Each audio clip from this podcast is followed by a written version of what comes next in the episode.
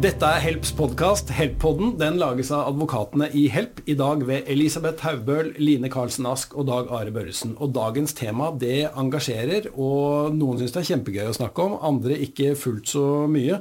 For det vi skal snakke om, er forskjellsbehandling. Um, og jeg spør deg kort og godt, Elisabeth, kan jeg forskjellsbehandle barna mine så mye jeg orker? Ja, det kan du gjøre. Så lenge jeg er i levende live, Line, så kan jeg vel gjøre egentlig som jeg vil. Ja, det kan du. Så lenge du lever, så kan du gi alt du er til Røde Kors, du kan gi alt du er til favorittbarnet ditt, eh, og velge selv hvilken løsning du vil ha. Og det er jo i livet. Og det er klart det blir dårlig stemning av det i, eh, blant dine barn, men retten er der. Det er ikke noe begrensning i hva du kan gjøre så lenge du lever. Mm. Og så er det kanskje noen som uh, hører på dette som tenker at ja, men er det ikke noe med uskifte og sånn, og det skal vi komme tilbake til litt uh, etterpå. Men så lenge jeg bestemmer, så kan jeg gjøre som jeg vil. Er, altså uansett uh, om jeg bare eier den ene hytta, jeg har ikke tre hytter til ett til hver av barna, så kan jeg bestemme at du som kanskje ser ut til å sette mest pris på den, du skal få den. Helt riktig. Ja. Så lenge det blir gjennomført som en gave i livet, og, og, det er det du ønsker, så er det ingen som kan nekte deg det. Nei. Eh, da har vi avklart det. Hvis jeg ønsker å øh, gjøre det samme i et testament, er det like uproblematisk? Nei, for da begynner vi eh, plutselig å ha regler i arveloven om pliktdelsarv til barn. Barn har krav på to tredjedeler av det foreldre etterlater seg. Og da kommer arvelovens regler inn. Sånn at i livet gjør du som du vil, men hvis eh, du ikke gjør noe i livet, men vil gjøre det ved testament, så må du følge arvelovens regler. Og da kan du bestemme hvem som skal få hvilke eiendeler. Men verdien må være i henhold til lovens regel om pliktdelsarv. Mm. Ja, så det er eh, med, med, visse begrensninger. Så jeg kan eh, bestemme at Elisabeth skal få hytta, men eh, for at hun skal få den hytta, så må hun sørge for å utligne de andre barna økonomisk. Er det sånn å forstå? Ikke sant. Hvis hytta er verdt to millioner, Elisabeth sin arv er bare én, mm. da må hun betale inn én million til boet for å få beholde ei hytta til to millioner. Men hun kan kreve å få lov til å beholde hytta. Det er ingen av de andre ungene som kan si 'vi vil heller ha hytta'. Nemlig. Um, men uh, dere var inne på dette her med uh, gaver og sånn når, Gaver og testasjoner. Det er litt sånn glidende overganger i en del tilfeller. Og grunnen til at jeg nevner det, er fordi at dette er saker som i, titt og ofte, kan vi vel si, havner i retten. Og det har nettopp å gjøre med det du var inne på med reglene for uh, testasjoner. Uh, og da har vi dette litt kompliserte, disse begrepene livs- og dødsdisposisjoner. Går det an å forklare hva, det, hva forskjellen er uh, med enkle ord? Ja. En gave som gis i livet, er en livsdisposisjon. Så lenge du gir fra deg gaven, du gir fra deg disposisjonsrett, da har du gitt en gave i livet. En livsdisposisjon. Mm. En dødsdisposisjon det er noe du ønsker å gi når du eh, er borte, når du er død. Mm. Eh, og det vil være en dødsdisposisjon, ikke sant.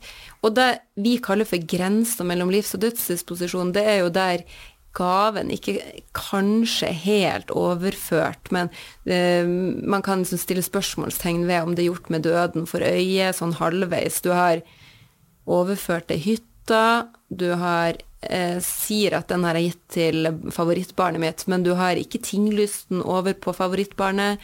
Du har fortsatt å betale alle kostnader, strøm, kommunale avgifter, forsikring, uh, og har egentlig fortsatt å bruke den kun selv også. Mm. Da holder det jo ikke å si at jeg har gitt den i gave, fordi det har ikke hatt realitet i livet. Mm. Og da er det jo en dødsdisposisjon hvis, um, hvis de andre barna sier at det der hadde du ikke lov til å gjøre, pappa. Så det betyr at uh, hvis jeg skal sørge for at Elisabeth får hytta, eh, så må eh, jeg skrive et skjøte med Elisabeths navn. Hun får den, og hun må overta alt av forsikringer og vedlikeholdsarbeid. Altså, det må være en reell eh, eiendomsoverdragelse, rett og slett. Mm. Ja. Da snakker vi om en gave i levende livet som har realitet og er i orden. Nemlig.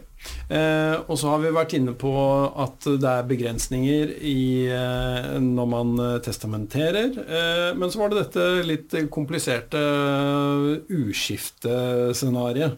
Eh, hvorfor kan jeg ikke gjøre det samme i uskifte som om jeg ikke sitter i uskifte? Når du sitter i uskifte, så forvalter du jo også arven til den som har gått bort først, og dens arvinger. Mm. Eh, og da kan ikke du begynne å gi bort eh, hele den arven eh, helt fritt, da. Så da må man ha samtykke fra arvingene hvis man vil gi eh, en gave. Hvis man vil forskjellsbehandle mm. Eh, noen barn.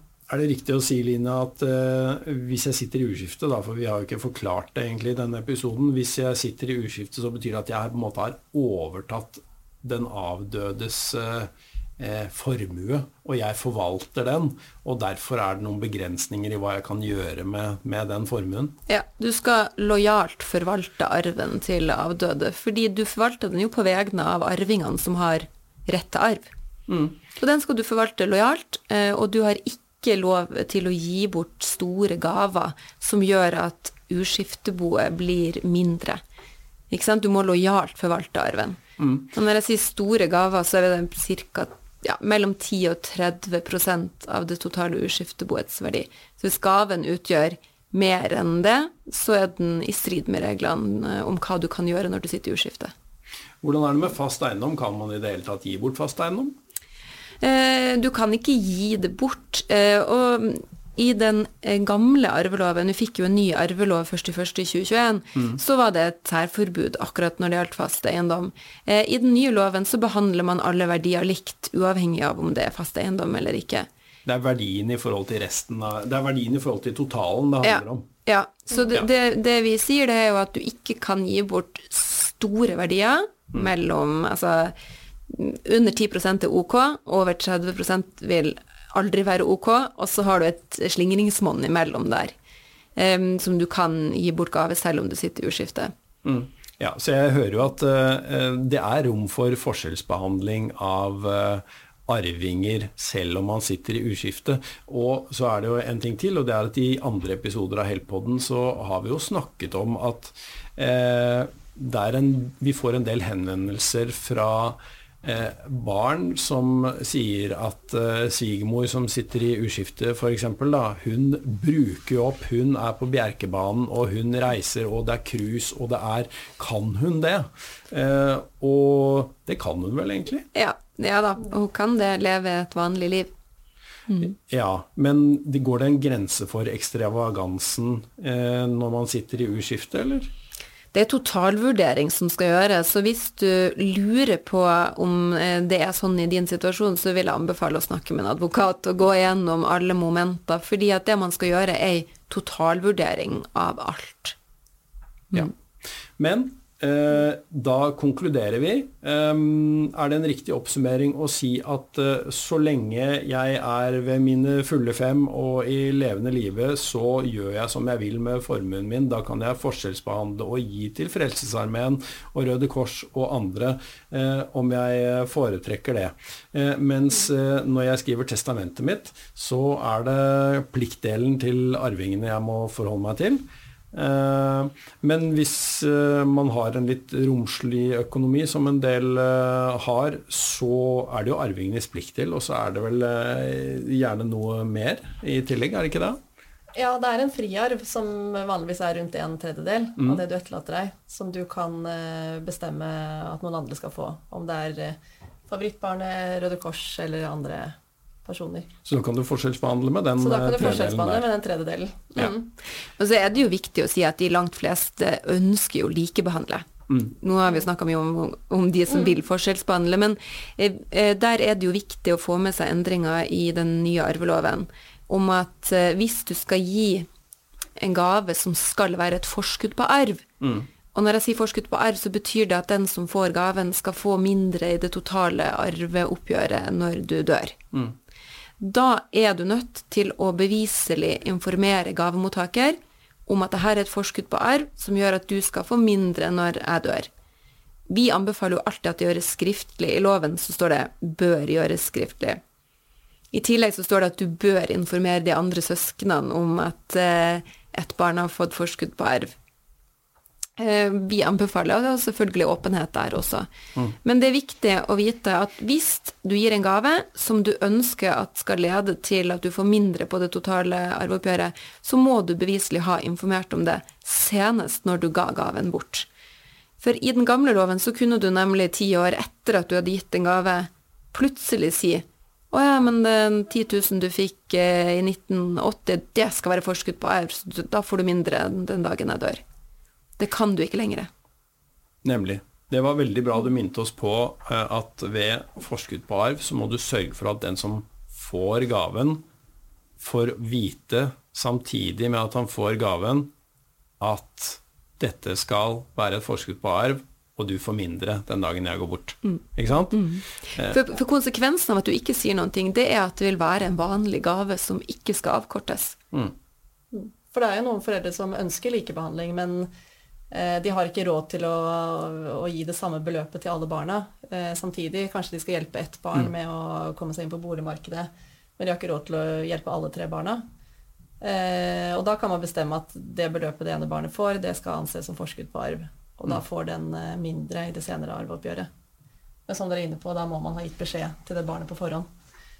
Eh, og der ser jeg mange saker hvor eh, foreldre kanskje syns det er litt ubehagelig å forskjellsbehandle eh, barn. Mm. Og det er jo veldig lite åpenhet rundt hva som var meningen med å overføre et beløp, eller overføre hytta til det barnet som trivdes best på den hytta. Eh, og da oppstår det gjerne et problem når forelderen dør, da. Eh, for da blir jo spørsmålet blant barna ja, mente mamma og pappa at dette skulle være forskudd på arv, eh, sånn at den som fikk gaven, skulle få mindre nå i arveoppgjøret, eller var det bare en gave Mm. Eh, så skulle, mente de egentlig forskjellsbehandling. Det kan være ganske vanskelig å bevise når foreldrene da eh, har gått bort da, og ikke kan forklare seg. Mm. Og det er spesielt det som du er inne på med, med skriftlighet, at det står i loven at du bør, eh, noe, det bør være skriftlighet når du eh, overfører en gave. Og det er veldig viktig at man eh, skriftliggjør hva som er meningen med overføringen, og helst at alle barna, alle arvingene, får beskjed om den overføringen. da. Ja, men... Eh, så må foreldrene stå i det ubehaget istedenfor at barna blir eh, uvenner etterpå. Mm.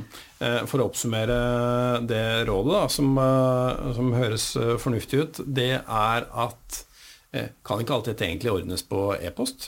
Det er skriftlig, det også. Jeg sender en e-post til min sønn Brutus og sier at du skal få sånn og slik. Dette er forskudd på arv. Uh, og det betyr at du får litt mindre den dagen jeg er borte. Og så legger jeg de andre barna i kopi. Da er jo alle informert om hva som skal skje. Mm. mm. Ja. Det er en god løsning, ja. Så et lite advokattips bare akkurat der, det er jo at hovedregelen er at det som da du skal få mindre i arv, det er verdien av det beløpet du fikk. Så fikk du 10 000 kroner i um, i 2023, ja. så er det 10 000 kroner som skal eh, gå til fradrag da i 2050, ikke sant. Men hvis du ønsker, så har du anledning til å si at beløpet skal oppjusteres for konsumprisindeksen.